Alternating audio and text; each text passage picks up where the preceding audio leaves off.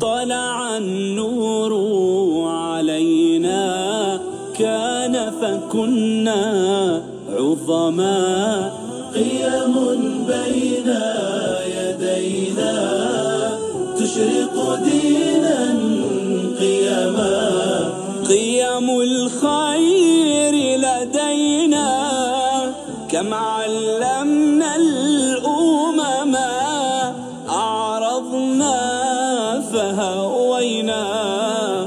فلما الإعراب. هذا البرنامج برعاية مكتب الجمعية العلمية السعودية للقرآن الكريم وعلومه. تبيان فرع جدة. ودما.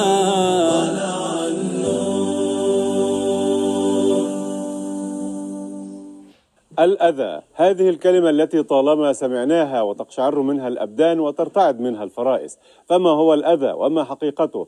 وهل يؤذي العبد نفسه؟ وكيف يؤذي العبد نفسه؟ وكيف يؤذي العبد العبد؟ وهل يؤذي العبد الرب أم لا؟ هل الإيذاء يصل لله سبحانه وتعالى؟ هل مجرد إضاعة الأوامر والنواهي إيذاء لله سبحانه وتعالى أم تفريط في حق الشريعة الإسلامية؟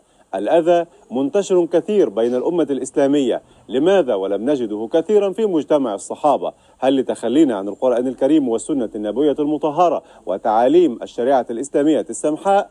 أم أن الأذى طبيعة مركبة فينا؟ هل لنا للمؤذي أن يتخلص من صفته الذميمة وصفته السيئة وهي الأذى ليحل مكانها صفة حسنة؟ أم لا؟ الأذى ما له وما عليه. حلقة جديدة في برنامج دينا قيما.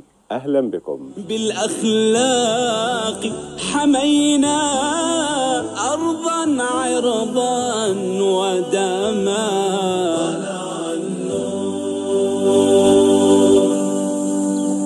مشاهدينا الكرام السلام عليكم ورحمة الله وبركاته. أهلا بحضرتكم معنا إلى حلقة جديدة في برنامج دينا قيما نرحب بحضراتكم ومع نرحب بضيفي الكريمين العالمين الجليلين كابتن العدلين أصحاب المعالي والفضيلة فضيلة الشيخ الأستاذ الدكتور محمد راتب النابلسي وفضيلة الشيخ الأستاذ الدكتور عمر عبد الكافي. مرحبا بكم في حلقة جديدة ودينا قيما بارك الله بكم ونفع بكم. بارك الله فيك ربنا يرضى عليك. نحيي الأناقة ما شاء الله يعني متأنقين كالمعتاد. والله يعني لا ترى العين الجميلة إلا كل جميل. بارك الله فيكم. نتعلم منكم دائما.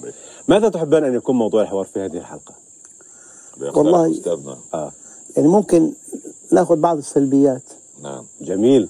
إنه الإيجابيات بقابل السلبيات من من من سوء الخلق يعني. الإيجابيات نأخذ بها والسلبيات نتجنبها عظيم. اقت- اقتراح جميل.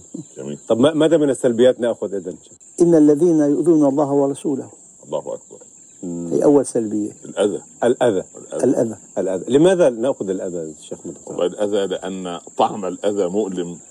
قد لا يستشعره المؤذي ولكن يستشعره المؤذى. الواقع عليه الأذى.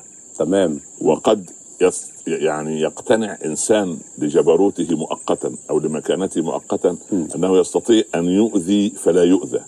ولكن هذا إنسان جاهل بحقائق الأمور وجاهل بسنن الزمن. تمام. اذا الأذى. موضوع هذه الحلقة. نعم. إذا قلنا هل يستطيع العبد أن يؤذي الرب؟ ممكن. كيف؟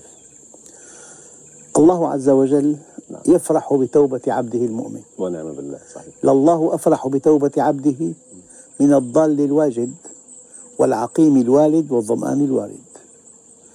يقابل هذا الفرح لو إنسان أفسد علاقة عبد مع ربه. نعم. كأن الذي فعل هذا يؤذي ربه. آه.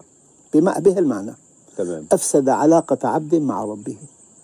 روج شبهة. روج سلوكا منحرفا. تمام. طعن بأصول الدين. هي كلها إيذاء بين أن الدين لا يصلح لهذه الحياة أو أعطى الدين شكل فولكلوري فقط. مم. سليم. هي كلها أنواع من الإيذاء. مم.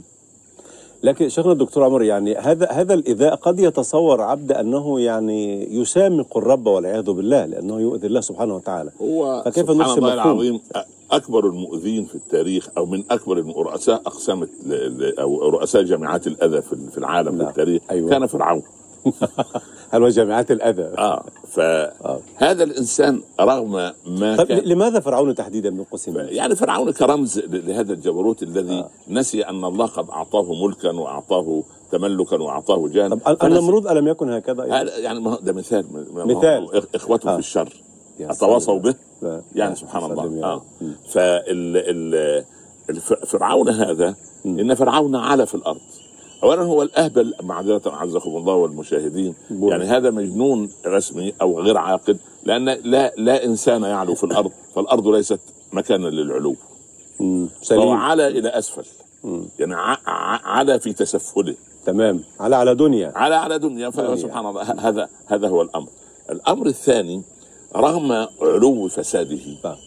كانت له حاشية عجيبة جدا من الأذ من الإيذاء ولكنهم كانوا أكثر ديمقراطية من حاشيات كثير من فراعنة الصغار في العصر ال- ال- المتتالي بعد ذلك. نعم. يعني فماذا تنظرون؟ يعني اذا بيستشير.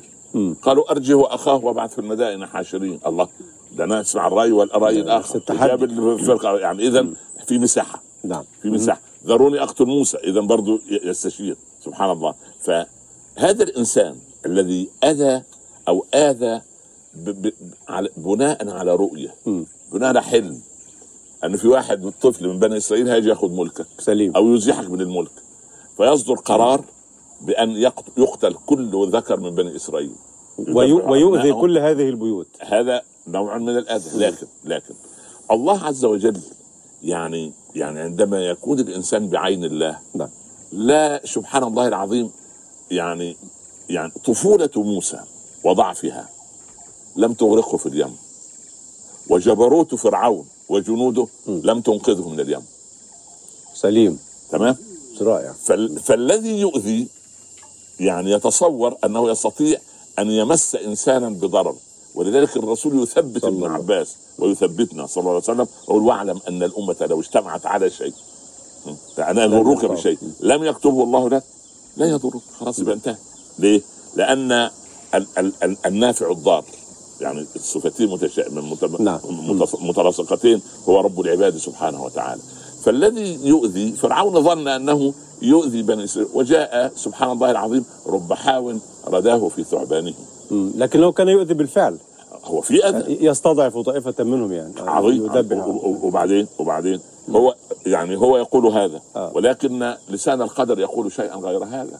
يعني يا فرعون لن يتربى موسى إلا تحت رعايتك وفي قصرك وهو الذي سوف يزيل ملكك. يعني لم ينفعهم ما ذهب إليه وعمله في الحياة الدنيا واجترح السيئات من أن يمنع قضاء الله سبحانه وتعالى وقدر الله المؤذي وإن كان عملاقا فهو قزم لا يساوي شيء. أمام إرادة الله سبحانه وتعالى. شوف شوف. نعم. الطغاة يا ولدي لهم طفولة بائسة. الطغاة لهم طفولة بائسة. وهم يعيشون في طفولة عقلية حتى يموتوا داخل دائرة طغيانهم. جميل هذه المقولة. شيخنا الأستاذ الدكتور محمد راتب بن أبو بارك الله فيك. الأذى إذا كان صورة من صور منع العبد عن عبادة الرب سبحانه وتعالى صورة تؤذي الله سبحانه وتعالى هل هنالك كان إنسان يؤذي الأنبياء ويؤذي المرسلين؟ الحقيقة في مقولة توحيدية مهمة جدا. تفضل. بالخمس قارات مم. من آدم ليوم القيامة. نعم.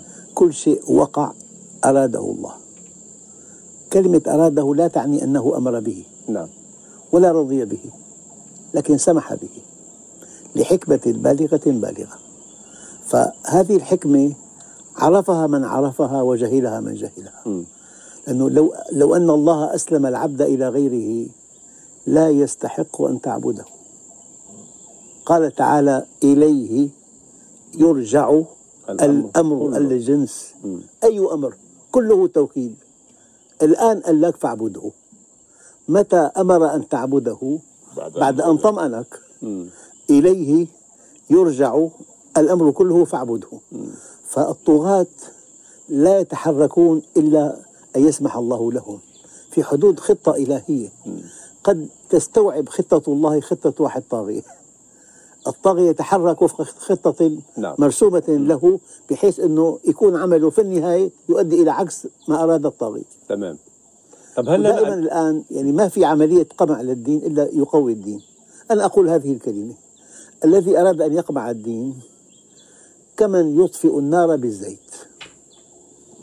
الذي أراد أن يقمع الدين كمن, كمن يطفئ النار- يريد أن يطفئ النار النار بالزيت. جميل هذا وأنا أطمئن الأمة. نعم. لأن لازم نبقى مطمئنين للناس. طبيعي. الدور. هذا الضرب ال- ال- ال- الخطير والمتتالي في العقود الأخيرة على أمة الإسلام وعلى المسلمين دليل على أن جسد الأمة ما زال يتمتع بالحياة الكاملة. ولو صحيح. كان جسد الأمة ميتا لما ضرب أحد ميتا ابدا. فالذين يؤذون الله ورسوله والمؤمنين هؤلاء لا يؤذون إلا أنفسهم لماذا؟ لأن الأذى يقوي سبحان الله جانب المؤمن فيلجأ إلى رب العباد عز وجل عندما تستشعر ان ان أن خلاص لا, لا أحد لك ينصرك في هذا الكون فإلى أين تلجأ؟ إلى الله لا وتعالى. من الله إلا اليه نعم، سبحانه. سبحانه. ولذلك لما قال رب العباد ففروا إلى الله الإنسان لا يفر إلا من شيء يخافه صحيح لكن أن تفر إلى الله عز وجل تفر من كل شيء إلى رب العباد الذي يملك كل نعم. شيء. فالذين يؤذونك سبحان الله هؤلاء اناس سبحان الله العظيم انظر إليهم أنهم كما قال أستاذنا هم صوت الله الذي يسلطه على عباده. فيربيهم ويهذبهم ويكفر سيئاتهم ويرفع درجاتهم و- ويعيدهم إليه. و- وسبحان الله العظيم كلها خير. لا تمام. شيء إلا الخير. يمكن باخرة- أبو النواس بيقول أفر إليك منك وأين إلا إليك يفر منك المستجير. الله أكبر. نعم. الله أكبر. باخرة عملاقة كبيرة جدا. نعم تفضل. تتجه نحو الغرب. آه. راكب على هذه الباخرة أراد أن يتحداها فمشى على سطحها نحو الشرق. خلاص. وهو مع البخيرة أيضا يعني. لا يصيب دوار. لا. وما أتعب إلا كنت نفسه أتود- أود أن اسال فضيلتك دكتور أستاذنا الدكتور محمد راتب بارك الله فيك عن أنواع وصور الأذى. كيف تراها من مرصدك الخاص؟ التكذيب الرسل أذى تمام. الله عز وجل رحمة بعباده أرسل لهم رسل. سليم. لئلا يظنوا أن هذا العمل من تلقائهم شهد لهم أنهم رسله عن طريق المعجزات. فما في نبي جاء إلا مع معجزة والمعجزة شهادة الله له أنه رسوله تمام. ونبيه. نعم. إلا أن النبي الكريم عليه أتم الصلاة والتسليم خاتم الأنبياء والمرسلين. نعم. كتابه خاتم الكتب. الرسالة خاتمة الرسالات. بعثته خاتمة البعثات. نعم. ما دام ولكل البشرية جمعاء للناس كافة. فلا بد من أن تكون المعجزة المعجزة. لها طابع مستمر. تمام. ولن تكون مستمرة إلا بال- بالعلم أن تكون علمية. لذلك في القرآن 1300 آية. تتحدث عن الكون والحياة. هذه الآيات كلما تطور العلم اكتشف أن هذه الآية سبقت العلم ب 1400 سنة. تمام. يعني يعني, مثلاً- إذا- اذاء الرسول تكذيب مثلا ودعوته أرسلت مركبة فضائية إلى الفضاء الخارجي. نعم. أبولو 8 مم. رائد الفضاء في أثناء الرحلة صاح بأعلى صوته لقد أصبحنا عميا لا نرى شيئا. ما الذي حصل؟ تجاوزت المركبة, المركبة طبقة الهواء. فانعدم انتثار الضوء. فصار الجو مظلما. مظلما. هي حادثة وقعت. نعم. قبل 20 سنة تمام. نفتح الإنترنت نشوف الحادثة. تمام. إذا- تفتح القرآن قبل 1400 عام ولو فتحنا عليهم بابا من السماء فظلوا ظلوا فيه فيه. يعرجون لقالوا إنما سكرت أبصارهم. أبصارهم. بل نحن قوم مسحورون. نعم. تطابق آية قرآنية نزلت قبل 1400 عام مع حدث حديث يؤكد قطعا أن هذا القرآن كلام الله. أو أن كلام الذي. خلق الأكوان هو الذي أنزل هذا القرآن. نعم. في من هالقبيل 1300 آية. تمام. ولذلك شيخنا كنت أسأل بعد. فضيلتك كنت أسأل فضيلتك عن صور الإيذاء المجتمعي. آه. إيذاء الناس بعضهم لبعض. كيف ترى ونموذج منه ناخذ به الحرب؟ اولا صورة من صور الإيذاء الحقيقي للإنسان نفسه. عندما يعني يحجم شرائع الله عز وجل في هوى عنده. يعني أن أن أن أن تختزل آيات القرآن في الجزء التعبدي مم. العبادات في القرآن عشر ومائة آية. تمام. والأخلاق في القرآن 1504 آية ربع القرآن. القرآن تمام 6236 1504 أخلاق. 110 عبادات. فإذا قمت أنا جدلا بال 110 وعطلت ال 1504 إذا أنا قد آه، المسلمين. الله سبحان الله. هذا أمر هذا أمر. الأمر الثاني الأمر الثاني ألا يبيت مسلم أو غير مسلم باكيا أو ضارعا إلى الله عز وجل من فرط أذاي. كان هذا المسلم أو غير المسلم يعني زوجة جار عامل أي شيء. سبحان الله العظيم. فالذي يؤذي سبحان الله العظيم يجب عليه أن يعلم أنه سوف ينام وهو ظالم ومؤذي ورب العباد عينه لا تنام. ونعم بالله فيق- فيقتص منه وهو لا يدري. يعني أو يدخل في مرحلة الم- المؤذي يدخل في مرحلة الاستدراج.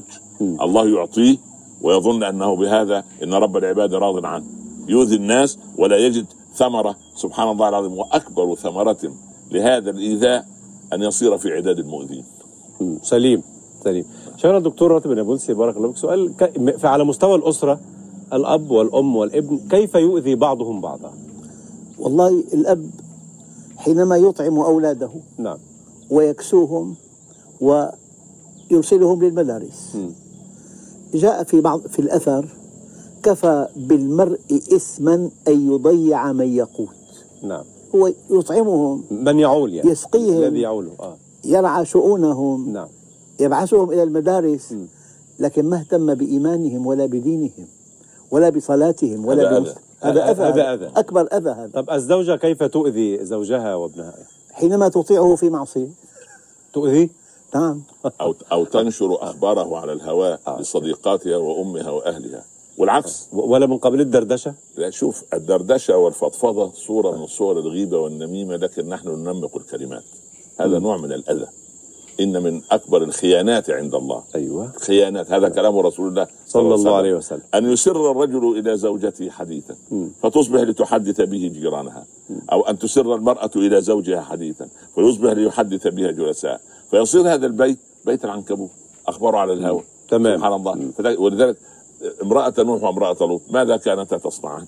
كانوا يخرجوا أسرار الأسرار. إيه اللي عرف آه، قوم لوط أن في ضيوف. عنده. سبحان الله. زوجته. من الخيانة. من- فخانتاهما. أي أخرجت أسرار بيت الزوجية سبحان الله. ولذلك في في في مجال المجتمع لما تجد في مكتب موظفين وموظفات والناس كأنهم محارم مع بعض وكأنه عقد عليهم ابن عباس وشهد على العقد ابن عمر وتصير محرمية مع الزميل وزي- يعرف أسرارها وتعرف اسرارها يا رجل نتقي الله ولا نؤذي الإنسان.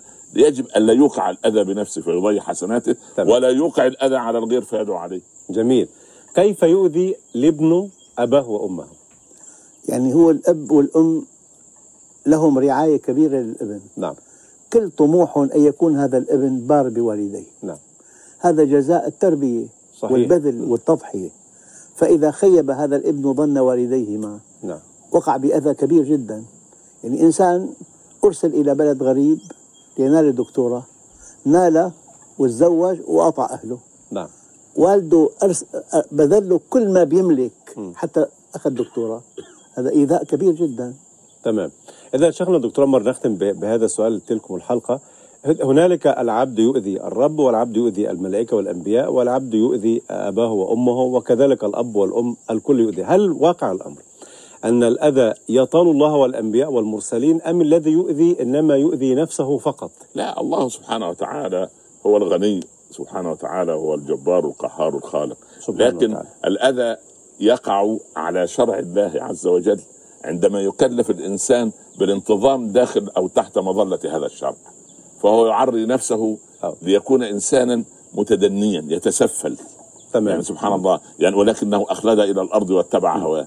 فهذا هو الذي أذى نفسه هو لا يستطيع أن يؤذي لا رب العباد ولا الأنبياء ولا وسبحان الله العظيم ولذلك ولذلك حتى يعني رئيس قسم الإيذاء آه، إبليس هذا ده, ده 24 ساعة شغل في. الأذى يعني تمام. ده معمل الأذى ده سبحان نعم. الله يعني لما. سئل الحسن البصري قيل ما تصنع مع الشيطان يا بصري قال ما الشيطان الشيطان اللي مجنن العالم كله قال أطيع فما نفع وعصي فما ضر رائع جميل اذا كلمة أخيرة شيخنا الدكتور راتب النابلسي بارك الله فيك نوجهها لكل من ناله أذى أو طاله أذى.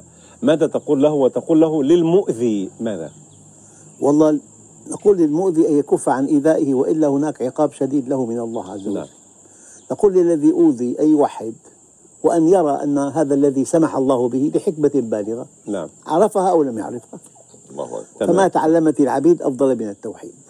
جميل. أنا أقول متى يعني إذا ترحلنا عن الناس حنوا إلينا وإذا متنا ترحموا علينا بعدم الإيذاء. إذا لم نؤذهم إن رحلنا عنهم يعني حنوا إلى لقائنا وإذا توفانا رب العباد ونحن لم نؤذيهم ترحموا علينا وقالوا رحم الله فلانا. بارك الله فيكم وأحسن إليكم. حفظكم نلقاكم في الحلقة القادمة بإذن إن الله تعالى.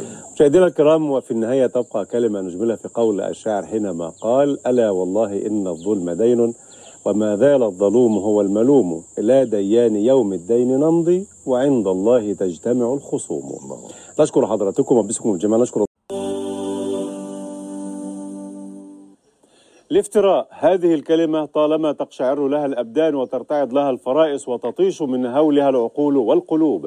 لماذا؟ لأنه كذب لا أصل له من الصحة. لكن نجد في ميزان الشريعة الإسلامية قرآنا وسنة بعض الكلمات التي فيها افتراء وفيها كذب وفيها خراصون وذم الله تبارك وتعالى الخراصين قتل الخراصون من هم الكذابون؟ ومن هم المفترون؟ ومن هم الخراصون وما الفروق التي بينها؟ كيف يتعامل الإنسان مع الافتراء والكذب والبهتان؟ ما هو منهج أهل السنة والجماعة في التعامل مع الافتراء وأهله؟ الافتراء حلقة جديدة في برنامج دينا قيما. أهلا بكم.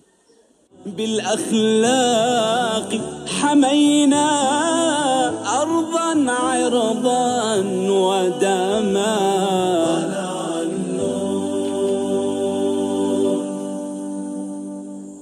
مشاهدينا الكرام السلام عليكم ورحمة الله وبركاته. أهلا بحضراتكم معنا إلى حلقة جديدة من هذا البرنامج. نرحب بحضراتكم ومعنا نرحب بضيفي الكريمين العالمين الجليلين العالمين الثبتين صاحب الفضيلة معالي الأستاذ الدكتور محمد راتب النابلسي وصاحب الفضيلة معالي الأستاذ الدكتور عمر عبد الكافي. مرحبا بكم في حلقة جديدة أهلاً ودين وسهلاً. بارك الله بكم ونفع فيكم بارك الله بارك, يعني كعادتنا دائما نود أن نتعلم بين يدي العلماء دائما لا نتكلم في حضرة العلماء. ماذا تحبان أن يكون الحوار في هذه الحلقة من دينا قيما ما هو الذي كثر أن يفتري يفتري البشر على البشر ويفترون على دين الله عز وجل. تمام. والافتراء يهدم المجتمعات الآمنة فوجب أن نحذر من الافتراء حتى لا نكون من هؤلاء. الافتراء. الافتراء. جميل. شهر الدكتور محمد راتب النابلسي ما الافتراء؟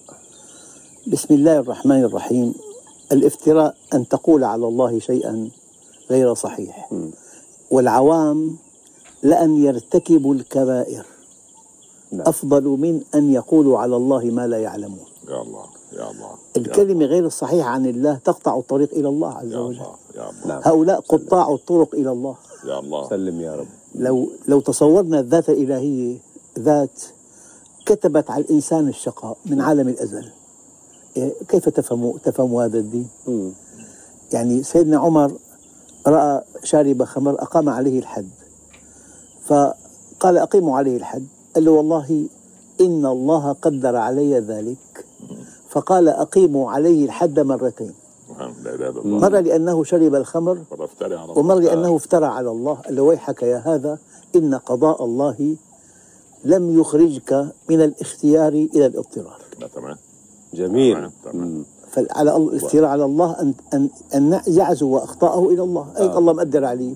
هي كلمة أعطينا نموذج مت- ثاني الافتراء على الله. يعني جميل. مثلا واحد ارتكب معصية. نعم. في الله كاتب عليه المعصية كاتب عليه. انسحب منه. آه. عزاها إلى الله. عزاها هذا أكبر افتراء.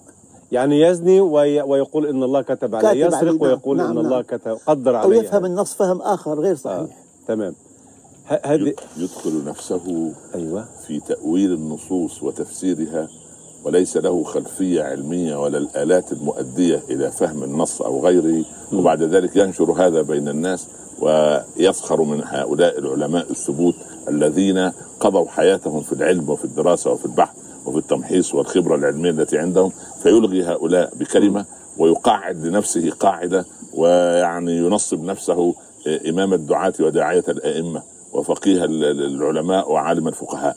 وهو ليس محق وهو سبحان الله العظيم يقولون هذا عندنا غير جائز ومن أنتم حتى يكون لكم عنده.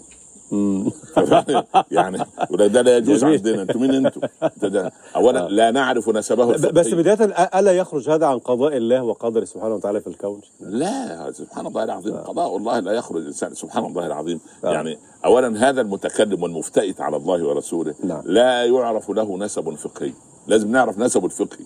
يا راجل يا مؤمن ده في الخيول في عالم الخيول وعزك الله في عالم الكلاب بيجيبوا الشهادة السلالة. سلالة إلى أجداده من أيام قبل محمد علي سبحان الله صح. فإذا كان هذا في عالم الإسطبلات أليس في عالم ال ال الأوامر والنا... الآدميات. الآدميات. نعم. فالأمر المهم جدا آه. أن يعني الافتراء على الناس بالزور والكذب والملتمسون للبراء العيب هؤلاء من أبغض الناس لرب الناس الذين يلتمسون للبراء العيب طب ليه يا أخي سبحان الله إن قلت لي كلمة تحتمل تسعة من عشرة خطأ.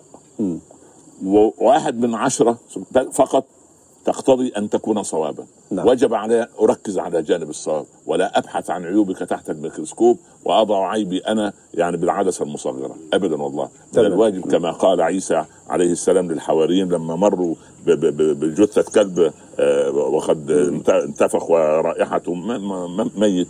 فقال ما أنتن رائحة هذا الكلب وما أقبح منظره يا روح الله. أسنان. قال ولكن ما أشد بياض أسنان. لأن العين الجميلة لا تقع إلا على الجميل نظر إلى الجزء الطيب. ليه؟ لأن قلبه لا يخرج أبيض. منه إلا سبحان الله. إن المؤمن كالنحلة. إن أكل أكل طيبا وإن أطعم أطعم طيبا وإن وقف على عود لم يخدشه ولم يكسر. خفيف الظل. رائع.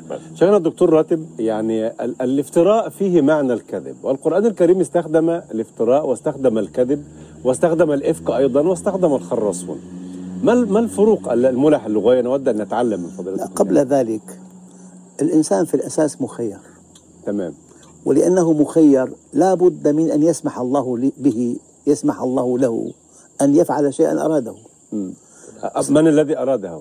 الإنسان اختار يؤذي. آه أن يسمح الله له هذا ما أراده الإيذاء الإنسان هو يعني آه. سمح له له. يؤذي. آه. أما من؟ هي بيد الله عز وجل. يسوق هذا الإنسان الذي أراد أن يؤذي لإنسان يعد الأذى في حقه حكمة. يكون ف... ما, ما فهمت هذا. مرة ثانية. الإنسان أراد أن يؤذي تمام. بشكل مطلق. والله سمح له أن يؤذي. سمح له بأصل الفعل تمام. لكن ساقه إلى إنسان يعد إيذاء هذا الإنسان حكمة له. من فعل المؤذى تمام. من فعل المؤذى فكأن الله حقق لهذا حريته ولهذا تربيته. مم. سليم. نعم. سليم. هل هل ال- ال- القرآن الكريم أو الفروق اللغوية بين الافتراء هو الافتراء يحمل معنى الكذب نعم. والكذب أيضا فيه كذب. فالفروق لما استخدم القرآن الكريم يفترون على الله في حق ال- الكذب في حق الله سبحانه وتعالى يفترون على الله الكذب. نعم. يجمع الاثنتين مع بعض؟ طبعا. هو الحقيقة اللغة واسعة جدا. آه. أنا بس بجيب مثل لطيف. تفضل. رأى واضحة. نعم. نظر ورأى. هلأ حدج. يعني دقق. دقق. بحلق ظهر بحلاق العين. فضح نعم. نظر شذرا باحتقار. شخص مع الخوف. رنى مع السرور. يعني في سبعين فعل تقريبا. نعم. كل فعل بياخذ حالة خاصة. تمام. فاللغة واسعة جدا. سليم. هذا يعبر عنه بفقه اللغة. اتساع العربية في التعبير. نعم هذه جميل المفردات في الأصل لا يمكن أن تتطابق تطابقا تاما إلا في فروق بسيطة جدا بينها. نعم. آه، شيخنا القرآن الكريم يعني آه، ما ما اتهمت به آه، أمنا السيدة عائشة عليها رضوان الله تبارك وتعالى نوع من أنواع الافتراء. كيف منهج أهل السنة والجماعة في التعامل مع من يفترى عليه؟ اولا بالعم ببساطة وبعامية مطلقة. المؤمن مربوط وغيره سايب. يعني؟ أقول لك. يعني المؤمن يعني كال- كالشيء المرتبط بشيء. مقيد بنصوص مقيد. مثلاً؟ مقيد. مم. صح. غير المؤمن غير مقيد. لأنه وفق هواه. صحيح. فرأيت من اتخذ إلهه هواه وأضله الله على علم فإذا كان غير المؤمن م، خارج دائرة الانضباط. والمؤمن مقيد بالانضباط. سبحان الله. يعني يعني قال آه، رجل لعمر آه، بن الخطاب بعد عليه يعني. آه، أغلظ في القول فقال عمر أردت أن أراد الشيطان أن يستفزني بعزة السلطان مم. الشيطان جه لعمر كيف هذا واحد من وقدام يكلمك بهذا الشكل. سبحان الله العظيم فلما استحضرت عظمة الله في قلبي رأيت أن هذا إما لذنب قد صنعت أو لرفع لدرجة أرفع بها بس فشاف لا، زي ما الصحابية الجيدة تقطع اللحم مع جارة مع خادمتها. فالسكين وقعت على أصبعها سال الدم فابتسمت. قالت يا سيدي أتبتسمين؟ والدم يسيل. قالت لما رأيت حلاوة ثمرة الصبر هانت علي مرارة الألم. جميل. فبيت الصديق هذا. نعم. بيت الصديق لما أوذي تحمل الافتراء. تحمل الافتراء ليه؟ اولا علموا أن هذا مقدر من لكن افتراء على ابنته في عرضه وفي الله. ما شرفه. هو شوف ال ال يعني إن العظائم كفؤها العظماء. يعني لما أراد الله عز وجل أن يبطل عادة التبني طبقت على من؟ النبي عليه الصلاة الله والسلام. أكبر عليك. نعم. فبالتالي نفس القضية. بيت الصديق بيت سبحان الله بهذا المنطق. وب- فسبحان الله فتعامل مع الأزمة. شوف لم نسمع في كتب التاريخ ويعني قد بحثت في أضابير الكتب أبحث عن كلمة لأم رومان. ام أم السيدة أن تقول ك- أن قالت كلمة في خلال المدة التي لم ينزل فيها الوحي بعد ما تكلمت. ابدا. ما تكلمت. سبحان الله. لأنه مفترى عليها وعلى يا ابنتها مؤمن يعني. يا مؤمن شوف والله إن المؤمن لو أدرك حقيقة إيمانه دع الله يدافع عنك. تمام. دع الله يدافع عنك. ش- شيخنا الدكتور راتب يريد يقول شيء؟ امرأة جاءت بعد عصور عصور مديدة نعم. من مجيء رسول الله. صلى الله عليه وسلم. اتهمت وهي بريئة. من قدوتها في هذا السيدة عائشة امنا عائشه أنا بقول يعني النبي قدوة آه. وأصحابه قدوات فرعية. نعم. فأية امرأة اتهمت في عرضها وهي بري- بريئة وشريفة لها أسوة حسنة بها بهذه السيدة العظيمة. طيب ممكن أسأل فضيلتك سؤال شخصي نعم. يا دكتور راتب وسؤال لفضيلة الشيخ الدكتور عمر أيضا سؤال شخصي ممكن. قد قد يقول قائل ما ما تقولانه الآن تنظير فقط هل تم الافتراء على فضيلتك بشكل أو بآخر؟ طبعا. يعني في هو مثل ماذا إذا أذنت يعني؟ يعني ورد ببعض الآ- بالآثار. نعم. إنه سيدنا موسى بالمناجاه قال له يا رب لا تبقي لي عدوا. قال له هذه ليست لي يا موسى. أيوة. أو أعطيك ما لم أعطيه لنفسي بس يعني هنالك اعداء لله يعني. سبحان طبعا. الله. نعم كيف تم الافتراء؟ السؤال كان ممكن يكون الكفار بكوكب. ما عندنا ولا مشكلة بحياتنا. في المريخ بس. بالمريخ آه. كوكب لهم. نعم. أو قارة لهم بكاملها. تمام. أو حقبة لهم. ولكن شاءت حكمة الله أن نكون معا. سنة على أرض واحدة تمام. وفي وقت واحد. لماذا؟ لأن الحق لا يقوى إلا بالتحدي. الله أكبر. نعم. ولأن أهل الحق لا يستحقون الجنة إلا بالبذل والتضحية. سليم. فهذا قدرنا. معركة الحق بس, بس والباطل ل- لم, معركة لم تخبرني كيف تم الافتراء على جنابه. والله يا سيدي. ما أنا بيتوهك كنت مش راضي. تود أن ترمي لا ابدا. كلا البتة ده مصمم يا والله. شيء يعني مزعج ما في والله. نعم. شيء ما في كلام إنه ما دخلوا بالتفسير مثلا إذا فسرت مثلا. نعم. في كلام بيحكوا أشياء. آه. لكن من عرف شائعات مثلا؟ أي نعم بس كيف أقول- تعاملت مع أتيكم الشائعات أنا أنا ميت ثلاث مرات صرت ميت. كم؟ ميت ثلاث مرات. آه، ما يتبع- وده مش افتراء مولانا على كل ده كويس. آه، آه. كيف ميت ثلاث مرات؟ يعني اشاعات آه. فلان مات. آه خبر وانتشر مقتولنا بال- جميعاً. بال- آه. بالإنترنت. وده وكده. نخلق بارك الله في عمرك وعملك شيخنا الدكتور عمر تم الافتراء عليك. طبعا. ما نوعية هذا الافتراء اجمالا وكيف تعاملت معه؟ لا شوف يعني- وكيف كانت حالتك الداخلية حال الافتراء؟ لا، لا. بصراحة وصدق؟ لا، لا، شوف. المعهود فيك. شوف شوف. يعني لا يمر أسبوع أو أسبوعين أو شهر أو شهرين إلا ونجد افتراء. كبر و- وكبر أكثر لحظة أخرى. تضخم. يعني تضخم يعني سبحان الله. ولكن سبحان الله العظيم بفضل الله عز وجل علمني علمائي وما تعلمته من كتاب الله عز وجل ألا أرد على سفيه أو مفتري. نعم. إن كان صادقا غفر الله لي وإن كان كاذبا غفر الله له. والله هذا تعاملي مع كل لا أرد وأنت تعلم لا في وسائل إعلام وعندي من ال- ال- ال- الوسائل التي أستطيع أن أرد بها. لكن النبي صلى الله عليه وسلم وقالوا يا أيها الذي نزل عليه الذكر إنك لمجنون. وقالوا ساحر. وقالوا كان ما ثبت مرة أن رفض وأبى وقال أنا لست بساحر أنا لست بكاهن لأنه عنده مهمة كبيرة. نحن عندنا مهمة ونحن شرفنا رب العباد أن نكون ورثة الأنبياء قولا وعملا وحالا. وجب علينا ألا نشغل أنفسنا بمعارك جانبية وأن نشغل أنفسنا بتبليغ دين الله سبحانه وتعالى. تمام. هل نفهم من هذا؟ قبل قبل تفضل. لماذا أثبت الله في قرآنه الكريم ما قيل عن النبي وصار الكتاب يتلى ليوم القيامة؟ نعم. ساحر مجنون. وكلها افتراءات. كلها افتراءات. لماذا أثبتها في القرآن؟ لماذا؟ هي رحمة بالدعاة من بعده. يعني سيطالكم ما طال النبي لا صلى الله عليه وسلم. آه، آه. أنتم على الضرب ما شاء الله. لكن أ- ألا يؤخذ من هذا من من سياقيات الشريعة الإسلامية بأنه القصاص وأنا لما, لما أصمت وأنا صاحب حق ولما لا أرد ولا أدفع الافتراء حتى لا يلتصق بي وبأولادي أو بناتي من بعدي؟ لكن هي بدها حكمة. إذا كان الافتراء هل في هذا حرج بداية؟ لا لا أبدا. إذا الافتراء يسبب آثار مضاعفات كبيرة جدا آه. يجب أن ترد. الرد. من حقك أن تدافع عن نفسك. تمام. أما موجة سحاب الصيف تمر لا لو تتبعتها كلها في مشكلة كبيرة. شو محمد يا ولدي؟ تفضل سيدي. إن أوذينا احتسبنا وإن أوذي الدين انتفضنا. الله الله. إن أوذينا احتسبنا وإن أوذي الدين انتفضنا لأن إحنا نحن نعيش للدين. نعم. نحن نعيش ليل نهار لدين الله وبيوتنا طب لا، كذلك نحن نعيش الآن عصر الشائعات عصر التكنولوجيا المفتوحه والس- والفضائيات والسماوات والشائعات نوع من أنواع الافتراء. يعني كيف تقيم هذا الوضع؟ ونصيحة للمشاهدين ومن يروجون هذه الشائعات والافتراء؟ أنا أقول لا تكن بوقا للإشاعة بل اجعلها قبرا عندك. واجعل نفسك قبرا للإشاعة عندما تصل إليك كفنها وأقم عليها أربعة. تكبيرات صلاة الجنازة. حتى لا تكون ناقلا وكن يعني وسيلة نقل رديئة. لا ينتقل لا تنتقل يعني سريان الإشاعة عن طريقك. آه. ولكن لما قال رجل للحسن البصري إن إن فلانا يغتابك قال أما وجد الشيطان رسولا غيرك؟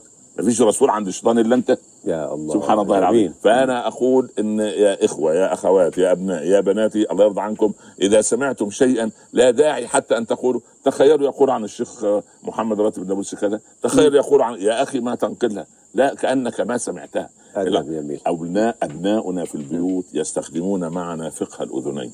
ونحن نريد أن نستخدم في الإشاعات فقه الأذنين. م- ما فقه الأذنين؟ هذا فقه اخترعته أنا. فقه الأذن- يأخذ الكلام من الولد من ودنه ويطلعه من الودن الثانية فأنا الإشاعة أدخلها من ودنه وأطلعها من الودن الثانية جميل فقه. الأذنين. هذا الله أكبر عليكم. لا لكن أفلا يخضع شباب الأمة هذا أو يخضع شباب الأمة إلى الخنوع وال... والذل والضيعه والله دائما صاحب ابن. عباس قال أهديت إلي من حسناتك ونحن نهدي إليك من حطام يا الدنيا لما اغتابه. والله إن العفو وأن التسامح والرضا بقضاء الله وقدره ليس شيئا سلبيا وإنما منتهى الإيجابية. طب كيف يتع... والله آه، قد أد- تأتي تهمة بالإنترنت أقسم بالله. صاد. أيام في شيء 500 رد عليها مو من قبلي من قبل الآخرين. بس محبين. هناك من يدافع عنك. ما شاء الله. إن الله يدافع عن الذين أيوة. آمنوا وعملوا. لكن في النهاية أخذ آداب كيفية أو آداب التعامل مع الافتراءات. كيف تراها معلما لي وللشباب أنا أقول؟ قاعدة أساسية. البيان يطرد الشيطان. النبي يمشي صلى الله وسلم. زوجته نعم. صفية. مر صحابيان قال على رسليكما هذه زوجتي. بين. البيان يطرد الشيطان. مم. أنا مكلف بين. تمام. بعد التبيين أنا انتهيت. أديت الذي علي مم. سليم. من الأداب- من الأداب أيضا للتعامل مع الافتراءات والشائعات شيخ. والله أنا اولا يجب أن أعلم أنني في دنيا تمام. والدنيا تحكمها النقائص وتحكمها ليست دار تكريم سليم. وإنما دار ابتلاء نعم. وإذا كنت عند الله لي مقام معين فالابتلاءات سوف تكون شديدة والصبر يجب أن يكون عليها عندئذ إحنا من الواجب أن نكون دعاة خير جميعنا يجب أن نكون دعاة خير وإذا انتشرت علينا أو على غيرنا يعني آه، يعني ات- افتراءات واتهامات وجب علينا أن نكل الأمر إلى الله سبحانه وتعالى وهذه الإيجابية المطلقة وليس فيها قيد سلبية قيد أنملة. نعم. الإمام بارك الشافعي تفضل. سئل ندعو الله بالابتلاء أم بالتمكين؟ فقال لن تمكن قبل أن تبتلى. يعني مستحيل. وألف مستحيل ألا نبتلى. نعم. دخلت امرأة على الشافعي في أثناء إلقاء درسه. وجمع عمرو بن العاص ممتلئ بالناس يسمعون الشافعي. قالت يا رجل أتعصي الله ليلا وتأمر الناس بالمعروف وتنهى عن المنكر نهارا؟ فالمريدين في. طبعا طبعا. وإذا بصائح يصيح يا أمة الله احترق بيتك وأطفالك فيه. في- في نفس الوقت. يا لطيف يا لطيف. فجرى الناس وهربوا و- إلى إنقاذ ومنهم الشافعي حتى اطفاوا النار. قال المريدون للشافعي لما لم ترد عليها؟ قال لو رددت عليها لانقسمتم إلى قسمين بين مصدق ومكذب. قالوا لكن رأيناك تتمتم. قال وقلت وأفوض أمري إلى الله. فأحرق الله لا الله. بس. قوية نختم بها. على الحلقة. تمتم. تمتم. نعم. تمتم نحن سنتمتم كلنا الآن. إننا نتمتم شكرا لكم على هذا اللقاء ويعني تعلمنا منكم الكثير ولعل من يفترى عليه يتمتم الآن إن أيضا شاء الله بإذن الله. ونفوض الأمر إلى الله سبحانه وتعالى. شكرا لكم على هذا اللقاء. بارك الله فيك. مشاهدينا الكرام مستمعينا الأعزاء بالحب عشنا اللقاء بالخير والامل يمضي بنا موكب الزمان وحتى وضمن لقاء جديد. شكرا لكم والسلام عليكم ورحمة الله وبركاته. فبما رحمة من الله لنت لهم ولو كنت فظا غليظ القلب لانفضوا من حولك. هكذا قال ربنا تبارك وتعالى لنبينا صلى الله عليه وسلم ويفهم منها تواضع النبي عليه الصلاة والسلام مع أصحابه ومع أهله ومع عشيرته ومع كل من دعاهم إلى الدين الحنيف الدين الإسلامي. فما هو التواضع؟ وما حقيقته؟ وما أنواعه؟ وما شروطه؟ وكيف يكون الإنسان متواضعا؟ ونحن نقرأ كتب التاريخ. تذكر لنا بعضها أن عمر بن عبد العزيز عليه رضوان الله وكان أميرا للمؤمنين قام في طلب حاجة له فقال أحد رعايا أقضي عنك يا أمير المؤمنين. قال ولما ذاك أو كيف ذاك؟ ذهبت وأنا عمر بن عبد العزيز ورجعت وأنا عمر بن عبد العزيز. منتهى التواضع. كيف نفعل التواضع في حياتنا؟ ونترك الكبر وأهله. التواضع موضوعنا في هذه الحلقة من برنامج دينا قيما. أهلا ومرحبا بكم. بالأخلاق حمينا أرضا عرضا ودما. مشاهدينا الكرام نحييكم بتحية الإسلام وتحية الإسلام السلام. فالسلام عليكم ورحمة الله وبركاته. أهلا بحضراتكم معنا إلى حلقة جديدة في برنامج دينا قيما نرحب بحضراتكم ومعنا نرحب بضيفي الكريمين العالمين الجليلين التبتين العدلين أصحاب المعالي والفضيلة. صاحب الفضيلة معالي الشيخ الأستاذ الدكتور عمر عبد الكافي. مرحبا بفضيلتك شيخنا مرحبا أهلا وسهلا. بارك الله بارك فيك الله فيك. وصاحب الفضيلة فضيلة الشيخ الأستاذ الدكتور محمد راتب النابلسي. مرحبا بفضيلتك شيخ. بارك الله بكم ونفع بكم يا سيدي وفيك بارك. يعني اخترنا موضوع الحلقة التواضع لصفة وجدتها فيكما. فبمن نبدأ منكما؟ لا لا تقول لك أنا التواضع. الله. أستاذ كل, التواضع. كل منكما إلى الله صاحبه. وهذا منتهى التواضع. الله عليك يا رب. بارك الله فيك. نبدأ من اليمين. طب اليمين يجعل الله وإياكم من أصحاب اليمين رب الله. تعالى. ما التواضع شيخ الدكتور؟ الحمد لله وصلاة وسلاما على رسول صلى الله عليه وسلم. ثم أما بعد. كل نعمة تحسد. نعم. حتى العبادة. تحسد؟ نعم. لو قال رجل أمام أناس مثلا أنا بفضل الله منذ شهرين لم أنقطع عن قيام الليل. الليلة اللي جاية عبد مش هيقوم لا, تقوم له قائما. لا يا يعني. سبحان الله. إلا عبادة واحدة لا تحسد وهي, نعمة التواضع. التواضع. لا تحسد. لأن لا أحد يحب أن يوصف بالتواضع لأن يظن أن التواضع ضعة وذلة. يعني كن كنجم لاح لناظر. في طبقات الماء وهو رفيع. ولا تك كالدخان يعلو بنفسه إلى طبقات الجو وهو وضيع. جميل جميل. خليك زي النجم. بس لما ننظر في في قعر نجده. سبحان الله. هيأ التفوق رسول الله صلى الله صلى عليه الله عليه وسلم. أن يعيش واحدا فوق الجميع. فعاش بتواضعه واحدا بين الجميع. يدخل الأعرابي القح. يقول أيكم ابن عبد المطلب؟ لا يعرفه من لا مجلسه؟ يعرفه لأنه لا يجلس في مجلس متميز. لكن يجلس في صدر الجلسة لا لا في لا, صدر لا المسجد سبحان الله. كرسي مميز هل مثلا. أدلكم على رجل من أهل النار؟ رجل جالس وبين يديه رجال قيام. هكذا يقول الرسول. عايز هذا من أهل أيوه هل أدلكم على نار يا أخي سبحان الله. الله ف- أكبر. فال- فالإنس سبحان الله كان لم يرى مادا رجليه بين صحابته قط. ودخلت المرأة مرت المرأة التي كانت ترافس الرجال كان مرأة بذيئة اللسان في المدينة. وبعدين آه، مرت عليه وهو يأكل مع صحابته. قالت هكذا يأكل كما يأكل العبد ويجلس كما يجلس العبد. فتبسم وقال وهل هناك من هو أعبد مني لله؟ الله. قالت انظروا يأكل ولا يطعمني. فناولها لقمة فأكلت. فحصل لها جراحة زائدة لسانية دودية سبحان سبحان الله, الله. لم تنطق بكلمة خبيثة بحت. لأنها الله. وأسلمت وحسن. إسلامها. صلى الله عليه وسلم. وأحو... ما أحوجنا إلى هذه اللقمة. آه والله. والله سبحان الله. فالتواضع سبحان الله العظيم صفة العظيم. ولكن أين اليد التي تطعمنا إياها؟ يعني نسأل الله أن يرزقنا أيادي يعني يعني تطعمنا بالخير. صلى فأنا سنته موجودة. يا رب. اتباع سنته يا بهذا. رب يا رب يا رب يا رب. نعم. نسأل شيخنا الأستاذ الدكتور محمد راتب النابلسي بارك الله فيك. فبما رحمة من الله لنت لهم ولو كنت فظا غليظ القلب لانفضوا من حولك. كيف نفهم ماهيه التواضع من خلال هذه الآية الكريمة؟ قبل بعد قليل أقول لك الجواب. سيد تفضل. كتاب قرأته قدم لصاحب الرسالة رسول الله. فقال له المؤلف يا من جئت الحياة فأعطيت ولم تأخذ. الله أكبر. يا من قدست الوجود كله ورعيت قضية الإنسان.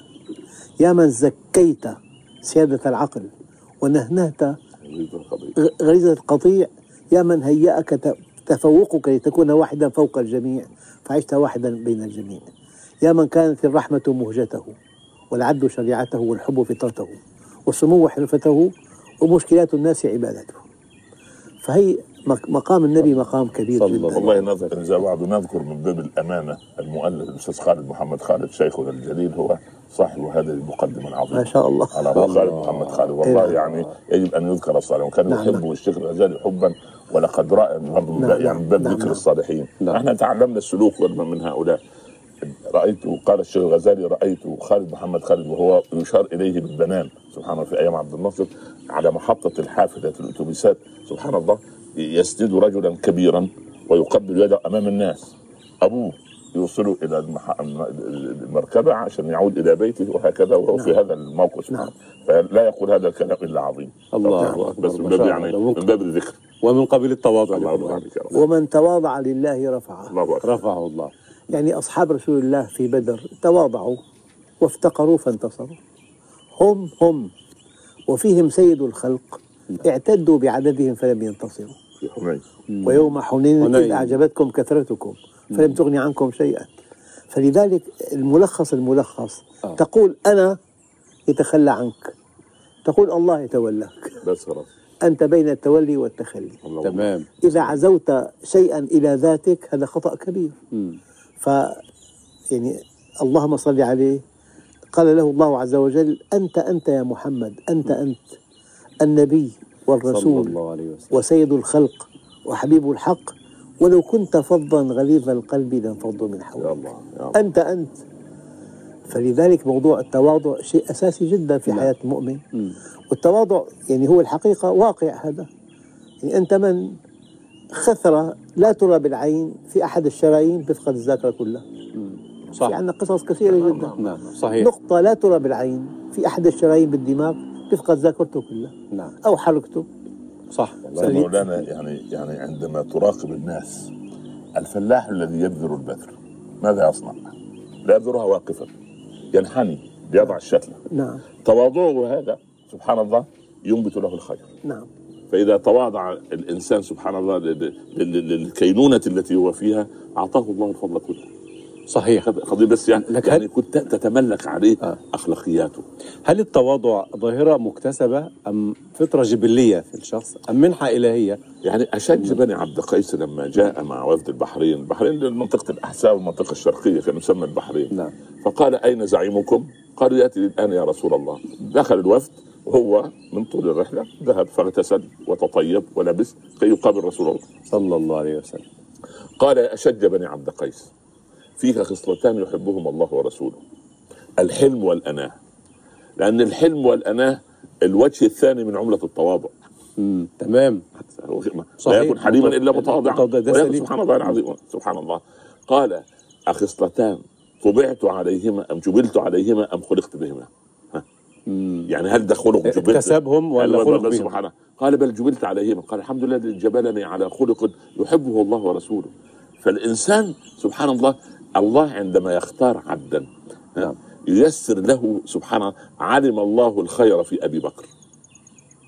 ففتح له باب الهداية فصار أول المسلمين بعد رسول الله. صلى الله عليه وسلم. وعلم الله الشر والحقد الذي في قلب أبي جهل فغلق أمامه الباب. يهدي من يشاء. من يشاء من العباد. الذي يشاء الهداية. من العباد. من العباد. ولا- وليس لا لا لا, الله لا, سبحانه لا, وتعالى لا المشيئة لله اولا وأخيرا العلم لله لكن الذي يشاء من العباد أن يهتدي سهل الله له بابه. لئلا يكون على الناس حجة على الله بعد الرسل. ما يجي أبو جهل يقول ما أنت لو هديتني زي أبو بكر كنت دخلت. سليم. لكن لا آه. الرسول لم يختص أبا بكر بيوم من الدعوة واختص أبا, أبا, أبا جهل وأبا لهب بنصف ساعة. لا. كما يعني أنا وأنتم على سواء. يعني المعلومة اللي عندي كما هي عندكم. سليم. ولكن هذا سلك باب الهداية. فسبحان الله العظيم دخل. ولذلك ولذلك ال ال الإنسان عندما يتطامن سبحان الله يعني ابن عباس لما امتطى صهوة جواده جاء آه، زيد بن ثابت أحد كتبة الوحي وهو رئيس اللجنة يعني اذا إذا جاز التعبير يضع الركاب في قدم ابن عباس. ابن عباس يقول يعني يعني ما الذي تصنع يا زيد؟ قال هكذا أمرنا أن نجل ال بيت نبينا. فقال هذا ابن عباس من فوق الفرس وقبل يد زيد. ما الذي تصنع؟ ونحن أمرنا أن نجل علماء الله. ما هذا. التواضع الجميل جميل. صاحب الفضيلة فضيلة الشيخ الدكتور محمد راتب بن بارك الله فيك. في أمر الله سبحانه وتعالى لسيدنا محمد عليه الصلاة والسلام ألن جناحك؟ واخفض جناحك للمؤمنين أو ألن جناحك للمؤمنين؟ هل التواضع صدر أمرا إلهيا من الله سبحانه وتعالى؟ وهل يجوز تطبيق مفهوم المخالفة مع هذا الأمر الإلهي أم لا؟ لكن قبل أن أجيب في ملمح بالآية دقيق جدا. م. واخفض جناحك لمن اتبعك من المؤمنين. نعم. الثاني واخفض جناحك للمؤمنين. في إنسان مرتبط بمن حوله فقط. أما المؤمن يخفض جناحه لكل مؤمن. نعم. ولو لم يكن متبعا له. تمام. بقوي الوحدة. وإلا- وإلا بقى الهوى لل- طبعاً. للمؤمنين ولمن اتبعك. أبدا. نعم. للكل. للكل. كل. نعم. واحدة والثاني لمن اتبعك. والأولى للمؤمنين عامة. فالانتماء إلى مجموع المؤمنين. وما لم يكن الانتماء إلى مجموع المؤمنين هناك مشكلة كبيرة جدا. نعم. دخلنا في متاهة كبيرة جدا. لذلك ما لا, لا تكون مؤمنا إلا إذا كان انتماؤك لمجموع المؤمنين. الدليل إنما المؤمنون إخوة. أخوة. إخوة. فأصلحوا بين أخويكم. فلذلك الذي ينتمي إلى فئة معينة إلى فقاعة إلى إلى جماعة الانتماء إلى المجموع. هذا هو الأصل في الدين. تمام. لكن ممكن أنا كل أم بس لا أنكر أمهات الآخرين. صح. في فرق بين أنه أنكر الأمهات آه. أو أنا أن أحب أمي ولا أنكر أن هناك أمهات أخريات فضليات نعم. يعني فضيلة الشيخ ألمح من كلام فضيلتك إن إحنا آن لنا أن نسقط الرايات كلها إي أو والله. كلها أو إي نسقط. الرايات كلها نعم. وتكون يعني ولاؤنا والولاء والبراء يكون يعني في منطقة. المؤمنين جميل. إنما المؤمنون نسقط الرايات جميل نسخة الرايات هل يكون هذا التواضع للمؤمنين فقط أم للمؤمنين وغير المؤمنين الكافرين أيضا أم يكون ذلة وتواضع المؤمنين وعزة على الكافرين؟ لا هو شوف المؤمن مأمور بحسن الخلق والإنسان المتواضع هو إنس- هذه ملكة تصير في تصرفاته. والله إ- إذا تواضعنا لكل الناس بعد أن يعني نتواضع لرب الناس سبحانه وتعالى الله النفوس يا ولدي جبلت على حب من أحسن إليها وكراهية من أساء. ولا يتواضع إلا عظيم ولا يتعاظم إلا حقير. لكن الكبر على أهل الكبر صدقة. لا ده هذا كلام في الأسواق. لكن في البرامج الهادفة هذه لا الكبر هو الكبر. مش الكبر على أهل الكبر لا لا صدقة. لا لا لا, لا هذه مقولة ويتكبر لا. عليه يتكبر عليه لو تواضع عليه سأتواضع لا له. ما صرت صرت متكبرا مثله. آه. ما, ما الفائدة؟ صرت متكبرا مثله. تمام. لا أبدا. شيخنا دكتور راتب دخل النبي الكريم إلى المدينة. نعم. فيها أوس وثنيون. وخزرج وثنيون. فيها موالي وأعراب وصحاب ويهود وصحابة كرام. فقال أهل يثرب أمة واحدة. هذا أقدم مفهوم مواطنة في الإسلام. مواطنة ولذلك سلمهم واحدة وحربهم واحدة. دعوة التعايش هذه. ولذلك فضيلتك سبحان الله أبو رغال أول خائن عربي. أبو رغال هذا الذي سعى ليدل أبرهة على مكان البيت. وبينما هو في الطريق أصابته المهم إيه؟ مات العرب قبل الإسلام. هذا الذي يريد أن يدل أبرهة. يعتبروه جاسوس عربي. رجم قبره وكان مكانا للتبول والتبرز عند العرب. لا إله إلا الله. وكم من أبي رغال يعيشون بيننا. العربي المشرك رفض رفض الخيانة. سبحان الله. فلو كان أبو رغال هذا سبحان الله تواضع لقومه. وصار لحمة معهم. ما دل الأجنبي على أن ولذلك يقول أصل ال- ال- الملتزم ده مش عارف ما عندوش وطنية ده هو أبو الوطنية ده هي الوطنية نفسها. الوطنية نفسها عند الملتزم. والله الثاني يبيع دي يبيع دي اللي خلاه يبيع دينه بعرض من عرض الدنيا. ما. يبيعش وطنه. يبيع. والذي والذي سبحان الله. الذي يخون قطعة من الأرض ويصير جاسوسا على بلده سبحان الله يحش يعني يحاسب أمام القضاء بتهمة الخيانه العظمى. نعم. فما بالك بمن يخون خ... بمن يخون خ... خالق الأرض؟ سلم يا رب. حسابه عند خالق الأرض. نعم. إنما ترزقون وتنصرون بضعفائكم. نعم. هذا الضعيف إن أطعمته إن كان جائعا. نعم. كسوته إن كان عاريا. نعم. أنصفته إن كان مظلوما. علمته إن كان جاهلا. أويته إن كان مشردا. يتفضل الله على المؤمن الذي يفعل هذا بمكافأة من جنس عمله. نعم. ينصره على من هو أقوى منه. طبعا. تمام. بارك الله فإذا. أردنا القوة أيوة. والمنعة وأن نتقدم ينبغي أن نهتم بضعفائنا. إنما تنصرون وترزقون بضعفائكم. بضعفائكم. وفي ملمح أخير البطولة أن نعالج المشكلة لا من آخرها من أولها. مش العرض المرض نفسه. نعم. فدخل إنسان إلى بستان أنصاري أكل من ثماره دون إذنه. فساقه للنبي الكريم على أنه سارق. فقال له النبي الكريم هل أطعمته إن كان جائعا؟ وهل علمته إن كان جاهلا؟ الله. قبل أن جميل. تقول سارق تبحث عن السبب. فالبطولة أن تبحث عن الشيء من أصله وأن تعالج القضايا من أوائلها لا من نهايتها أكبر. تمام. شكرا لكم على هذا اللقاء ونلتقيكم في الحلقة القادمة إن شاء الله. مشاهدينا الكرام بالحب عشنا اللقاء بالخير والأمل يمضي بنا موكب الزمان وحتى ضمن لقاء جديد. أشكركم وأشكر باسمكم جميعا ضيفي الكريمين العالمين الجليلين. العدلين التبتين أصحاب المعالي والفضيلة فضيلة الشيخ الأستاذ الدكتور عمر عبد الكافي. شكرا لفضيلتك سيد بارك الله. وفيك بارك أصحاب المعالي والفضيلة فضيلة الشيخ الأستاذ الدكتور محمد راتب النابلسي. شكرا لفضيلتك سيد بارك الله بكم وفيك بارك وحتى ضمن لقاء جديد بإذن الله تبارك وتعالى مع الجود والكرم. نستودعكم الله. شكرا لكم. والسلام عليكم ورحمة الله وبركاته. الجبن. ما هو الجبن؟ ولماذا يجبن الإنسان؟ لما سئل رسول صلى الله عليه وسلم أيكون المسلم بخيلا؟ قال نعم. أيكون جبانا؟ قال نعم. أيكون كذابا؟ قال لا. كيف يكون المسلم بخيلا؟ وهو يعلم أن لكل أجل كتاب ولكل نفس عمر وأجل. ما هو البخل؟ وما دوافعه؟ وما منشأه؟ وكيف نقضي عليه في سياقيات القرآن الكريم والسنة النبوية؟ هل كان من الصحابة من هو جبان؟ وهل يتنافى الجبن مع الرجولة والمروءة؟ لماذا يقع الجبن الآن؟ وإذا كان خالد بن الوليد عليه رضوان الله سيف الله المسلول مات على فراشه وهو يقول ما من شبر في جسدي إلا فيه ضربة سيف أو طعنة رمح أو رمية سهم ولكني أموت على فراشي كما يموت البعير فلا نامت أعين الجبناء. كيف نتخلص من الجبن؟ الجبن حلقة جديدة في برنامج دينا قيما. أهلا بكم. بالأخلاق حمينا أرضا عرضا ودما.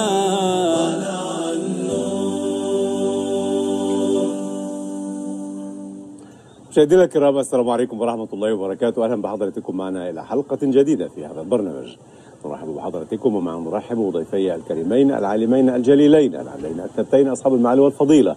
فضيلة الشيخ الأستاذ الدكتور محمد راتب النابلسي وفضيلة الشيخ الأستاذ الدكتور عمر عبد الكافي. مرحبا بكم في حلقة جديدة من أهلا وسهلا. بارك الله بكم مشاهديك. ونفع مرحبا بكم بكم ربنا يرفع قدرك.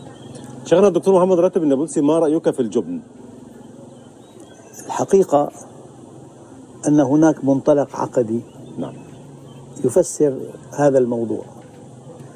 الله عز وجل واجب الوجود. ما سواه ممكن الوجود. ممكن أن يكون أو أن لا يكون. أو ممكن أن يكون على ما هو كائن أو على خلاف ما يكون. نعم. شاءت حكمة الله أن يزرع فينا الشهوات. والشهوات لها دور كبير جدا. نعم. هي كالمحرك في المركبة. طاقة. والعقل هو المقود. نعم. والشرع هو الطريق.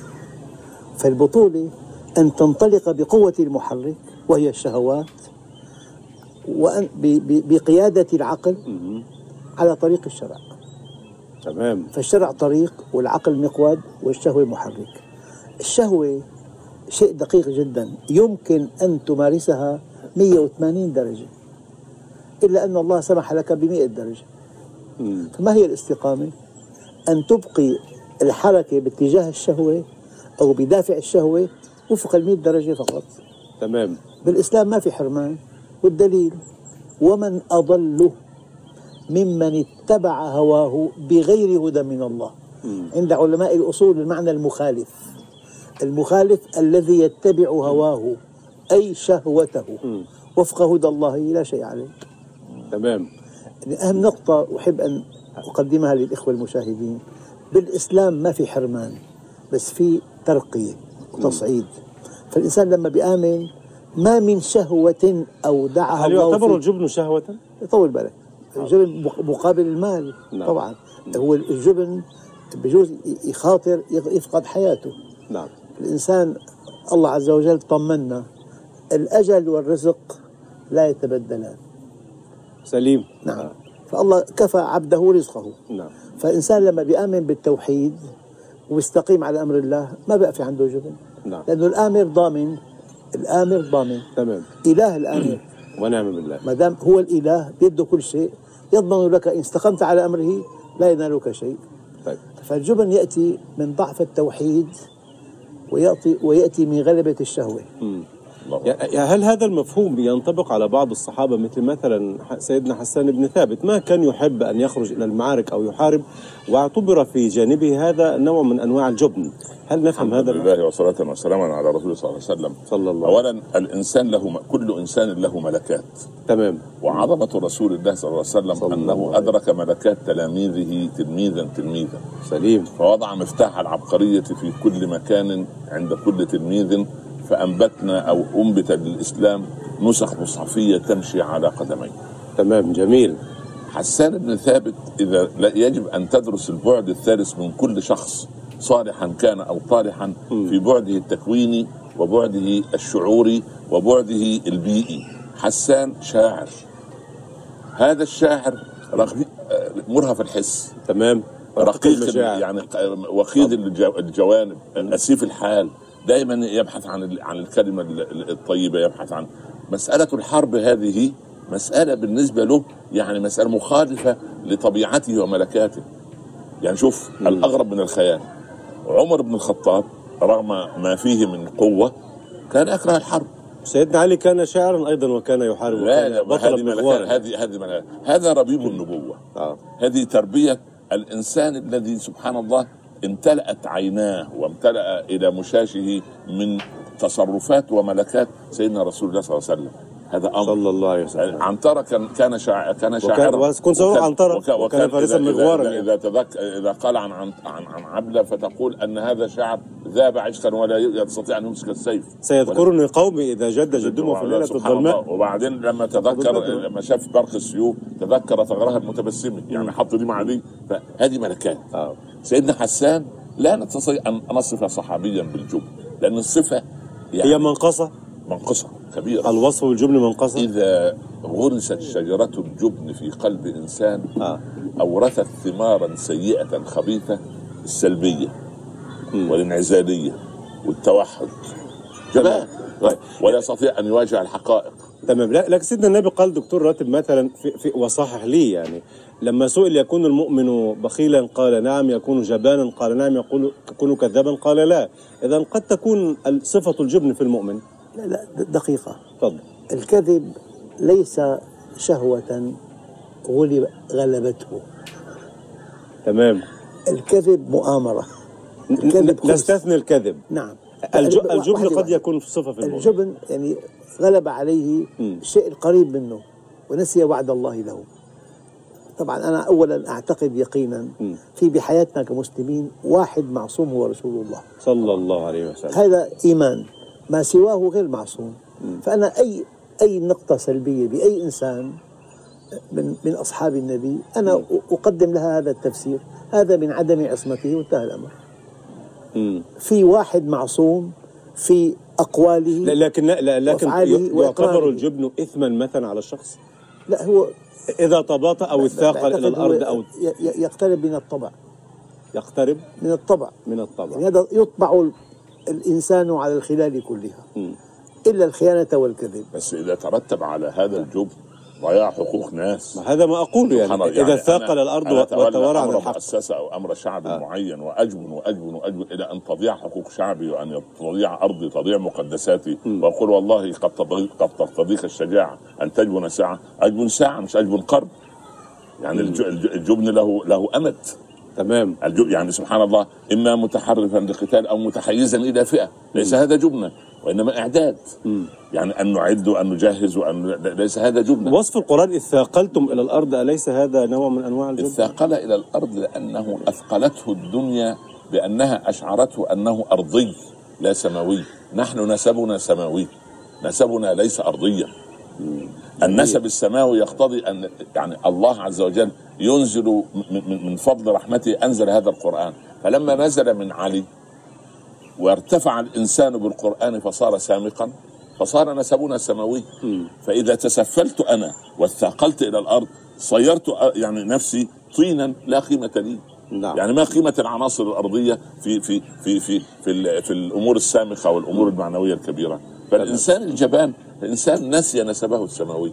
تمام. بس ود- ودخل أو أو حبس نفسه داخل الإهاب الترابي ونسي الإهاب النوراني التي هي قبضة من روح الله. يرى بنور الله ويسعى بنور الله. ونعم بالله. شيخنا الدكتور محمد راتب يعني الثلاثة الذين خلفوا زمن الرسول صلى الله عليه وسلم كانوا الصحابة أولم يكونوا جبناء أيضا؟ نحن لماذا تجرني؟ إلى أن أقول عنهم جبناء هو- هو- أنا أتعلم من هو, فضيلة هو أغلق المسألة وقال لك هم مش معصومين ما أنا أعلم يقينا نعم. أن في حياتي كمسلم إنسان واحد معصوم من أن يخطئ هو في هو. وإقراره طب ت- تفسير. فضيلتك لمن على للثلاثة الذين خلفوا ما هو؟ سيدي إنسان غير معصوم يقع في مع. الوضع باعتبار أنهم صحابة هل هل أنبأنا النبي أن أصحابه معصومون؟ لا لا لا. لا. خلاص. هذا من عدم عصمتهم وانتهى الأمر. قضية بسيطة. هو يا أخي طب أريد أن أستنبط دروسا من هذه المواقف مثلا. الثلاثة الذين خلفوا. نعم. يعني يكفي أنهم فضحوا على مر التاريخ رغم صحيح. توبتهم. لكن هذه ليست فضيحة وإنما تهذيب لا للمؤمنين. توبتهم الله أكبر. قبلت. جابنا هو الله أكبر. وبعدين عوف بن مالك لما وصلته رسالته من ملك الروم بلغنا أن صاحبك قد قلاك فتعال إلينا حيث المنعت ولا. قال وهذا من الابتلاء وألقى الرسالة ملك الروم في في, في, في, في النار. بعض من بني جلدتنا. على على رسلك هذا أيوة درس خطير. اتفضل مرة ثانية. أرسل إليه ملك الروم. تمام. العوف بن مالك أحد الثلاث نعم. بلغنا أن صاحبك قد قلاك. حينما حذر أصحابه من عدم مكالمته أو مخالطته وحتى زوجته يعني قالت يعني سبحان الله. ف وكان ابن عمي على ج- جدار في الجدار لا يسلم عليه بأمر من رسول الله صلى الله عليه وسلم. نعم. فلو لو أننا صنعنا كل يعني مثل هذا كمجتمع مع كل منحرف في المجتمع مهما كان والله الم- أنا سنأتي لكن بعفو ملك الروم أراد أن يستغل هذا الظرف لصالحه. تعال إلينا حيث وال- والرخاء. أهلا وسهلا. اعمل اعمل لجوء سياسي. تعال اهرب سيبه تمام. ونعمل لك قناة معارضة وتشتم في البلد بتاعتك وتوظف في أهلها. لا. قال هذه وهذه من الابتلاء. ده من ضمن الابتلاء. المعصية أنني انتقلت إلى الأرض وأبيت أن أخرج مع رسول الله صلى الله عليه وسلم. الله. ألقى الرسالة في النار. عشان يمحو ولم يخرج لملك لا لم يخ... لم يفكر في المسألة. رائع، يعني سبحان الله. رائع. شوف. المتدين وطني بطبعه. والذين يقولون إن المواطنة أو حب الوطن عند الملتزمين قليل أقول كذبتم. إن الذين يخونون الله ورسوله ولا يلتزمون بدين الله ليسوا وطنيين. أحسنت. أو المواطنة تقديم الوطن على الدين مثلا؟ لا شوف شوف الوطن بالدين. لا قيمة لوطن بدون دين. أي وطن بدون دين أنا لا أعتبره وطن. في ملمح دقيق تمام. جدا أن الله عز وجل قال لقد تاب الله على النبي وعلى وعلى الثلاثة أو على الذين خلفوا. جبرا لخاطرهم ترميم لمشكلتهم. نعم. يعني تو- توبته على النبي أو عطف توبتهم مع توبته على النبي الكريم. كيف ترى من مرصدك الخاص؟ وأنت يعني صلت وجلت في كثير من دول العالم صور الجبن في هذا العصر الحديث. والله هو الإنسان إذا استغرق في الشهوات يصعب عليه البعد عنها. مم. فالمبالغة في التمتع والرفاه أنا كنت في بلاد الغرب كثيرا. نعم. رأيت خاصتين اثنتين. يعيشون لحظتهم فقط وهمهم الأول الرفاه. تمام. فالرفاه هو همهم الوحيد. لا في رسالة ولا في آخرة ولا في موت ولا في فرصة برزخ. واحدة. فرصة واحدة. نعم. فهمهم الرفاه يعيشون لحظتهم. مؤمن عنده عنده إيمان بالآخرة في عنده أعمال صالحة في عنده أشياء كثيرة. الذي يكيد بمكيالين ولو كانت دولة عظمى من أكبر الجبناء في عصرنا وفي كل العصور.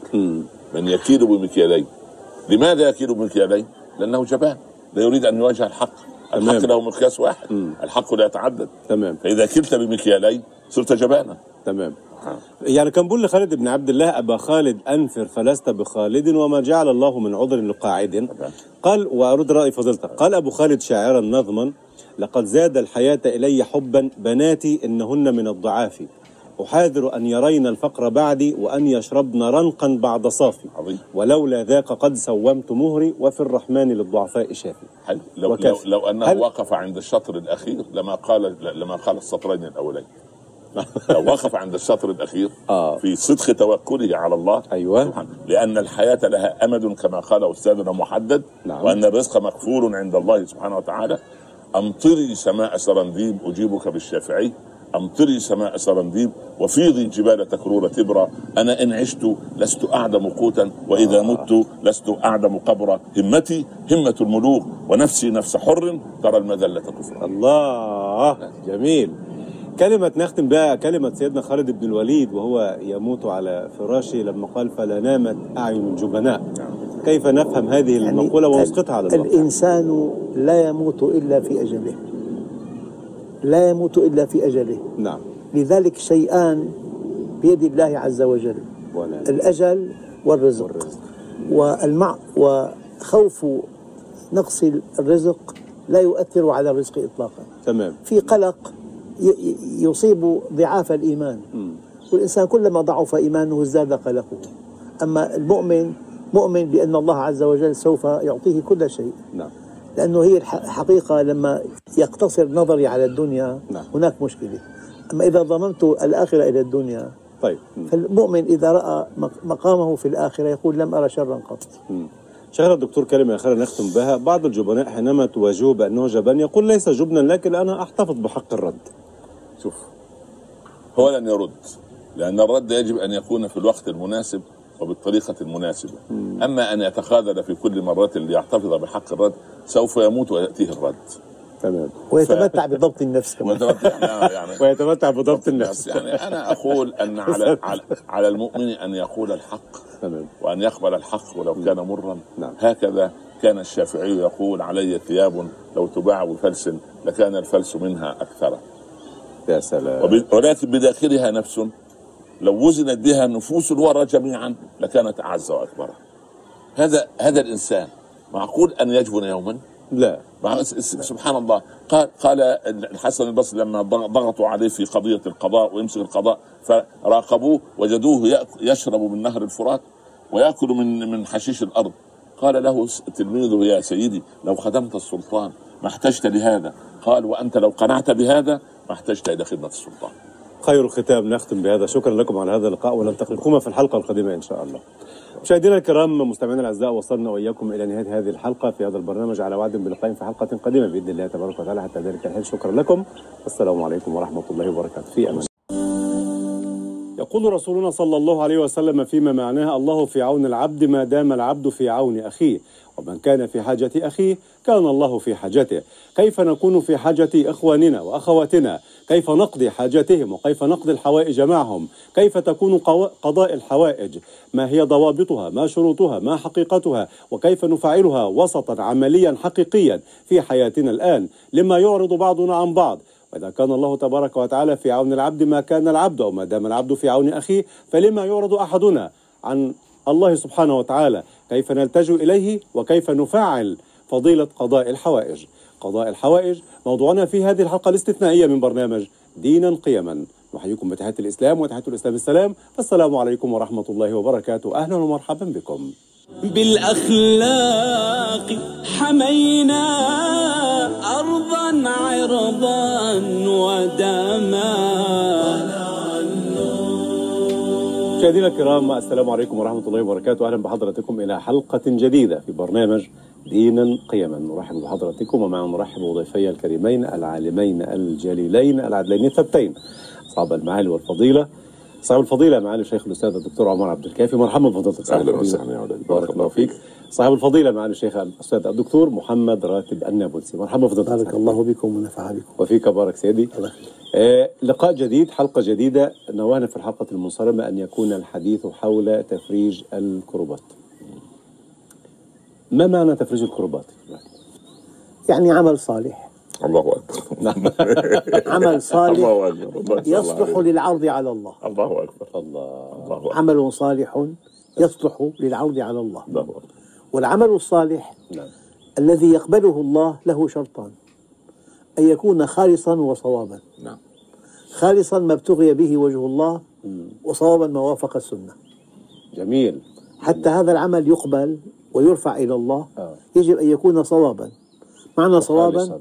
خالصا لوجه الله النية مم. وما ابتغي به وجه الله ووافق السنة. مم. تمام جميل. معنى الكربات صاحب الفضيلة دكتور؟ كل إنسان في الدنيا.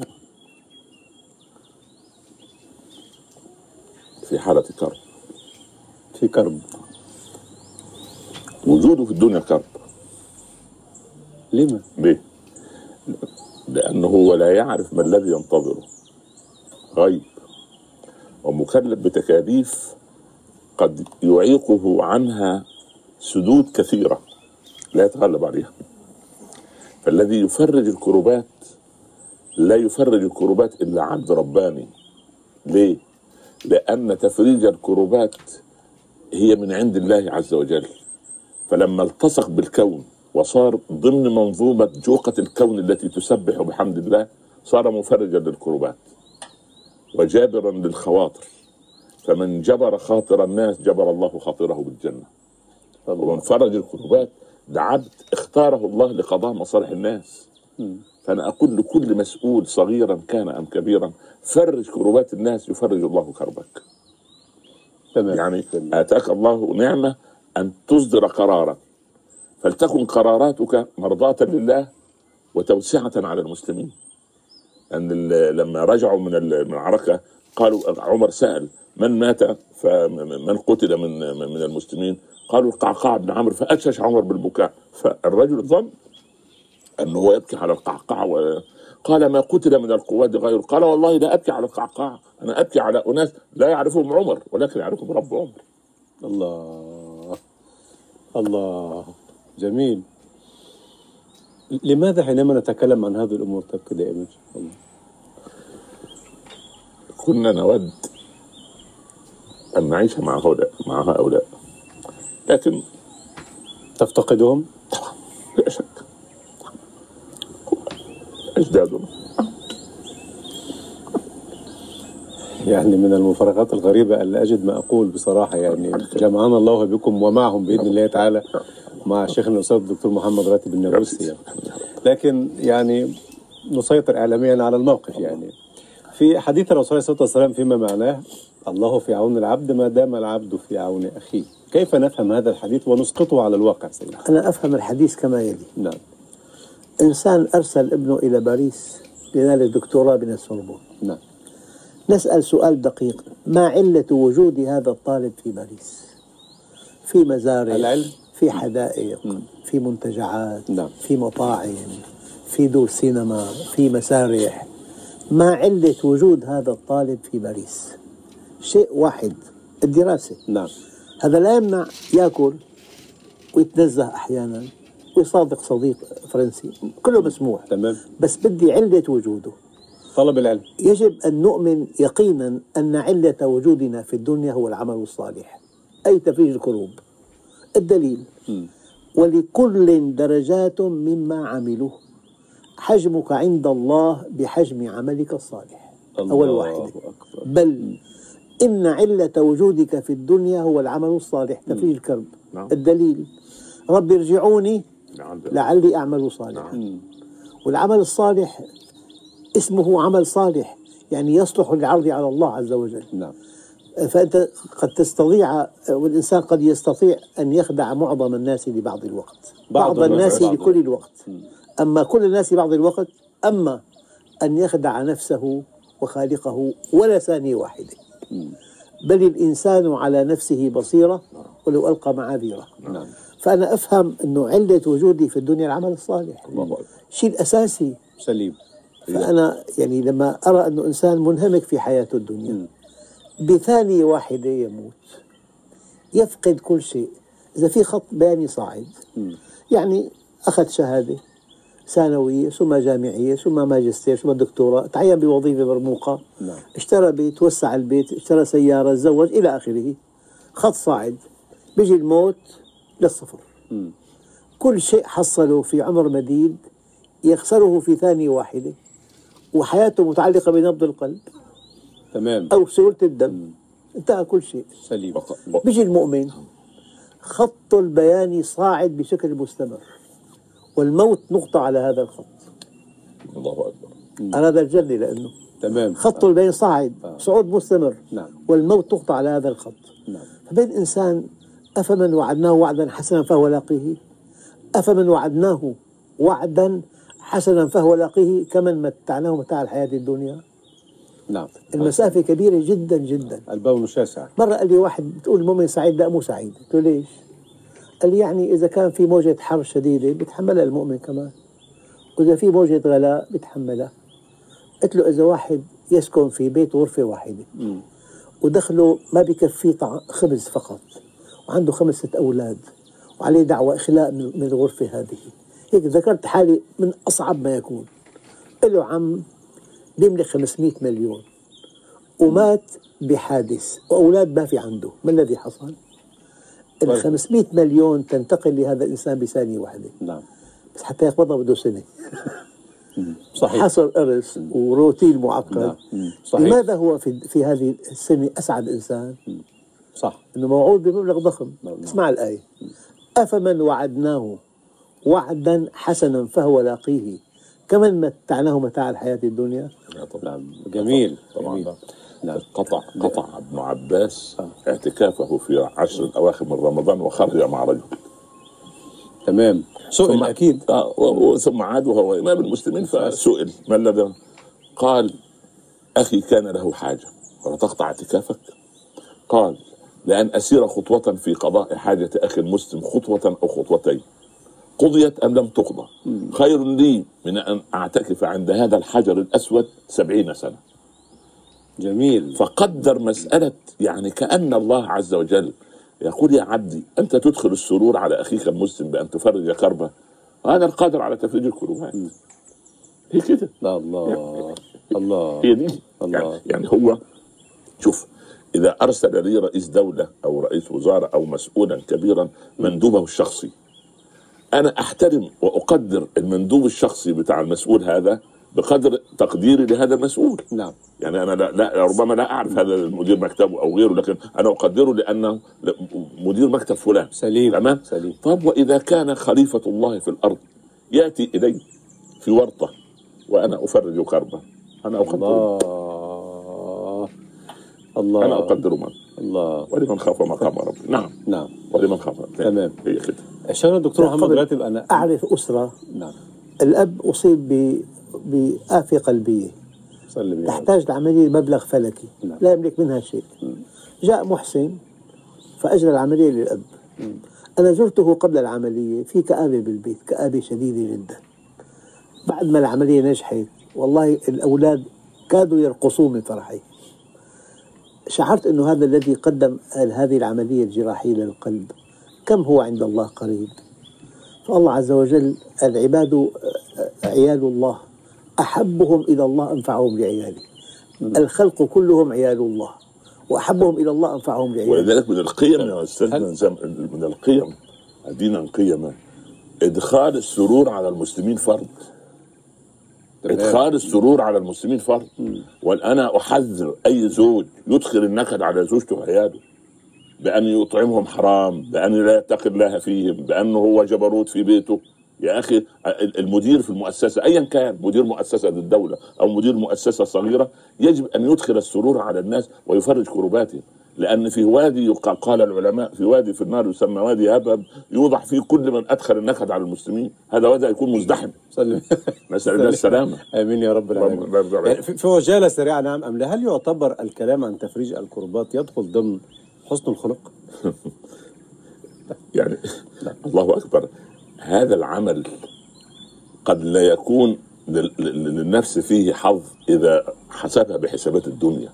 لكن لو حسبها بحسابات الآخرة يعني كأن الله يقول عبدي وأنت ضعيف أنت تفرج كرب أخيك.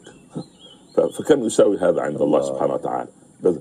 ولذلك لما دخلوا بمرسوم كسوة الكعبة على عمر بن عبد العزيز قال ما هذا؟ قال وقع على مرسوم كسوة الكعبة كذا ألف. قال الكعبة لا تحتاج إلى كسوة. اكسوا عرايا من اليتامى والمساكين هذا خير عند الله من كسوة الكعبة. الله. لأن الله. إذا وضعت حرمة يفرج كرباتهم. حرمة البيت الحرام إذا وضعت في كفة وحرمة المؤمن وشرف المؤمن في كفة غلبت حرمة المؤمن حرمة الكعبة. جميل. جميل هذا التأصيل. فما بالك لو لو فرج كربة. المسلم. الله أكبر. آه، يعني من فرج عن مسلم كربة من كرب الدنيا فرج الله عنه كربة من كرب يوم يوم. القيامة والآخرة. نعم، نعم. كيف نفهم هذا ونحاول أن نصنعه في الحياة الدنيا دكتور محمد؟ والله نحن حينما نوسع وعي الناس آه. بقيمة العمل الصالح. يعني أنا بقول العمل الصالح علة وجودنا في الدنيا. نعم. فحينما نهتم بالعمل الصالح هذا عمل يومي سيدي. إما إطعام طعام إلقاء السلام تفريج كربة حل مشكلة آه، جراحية مثلا.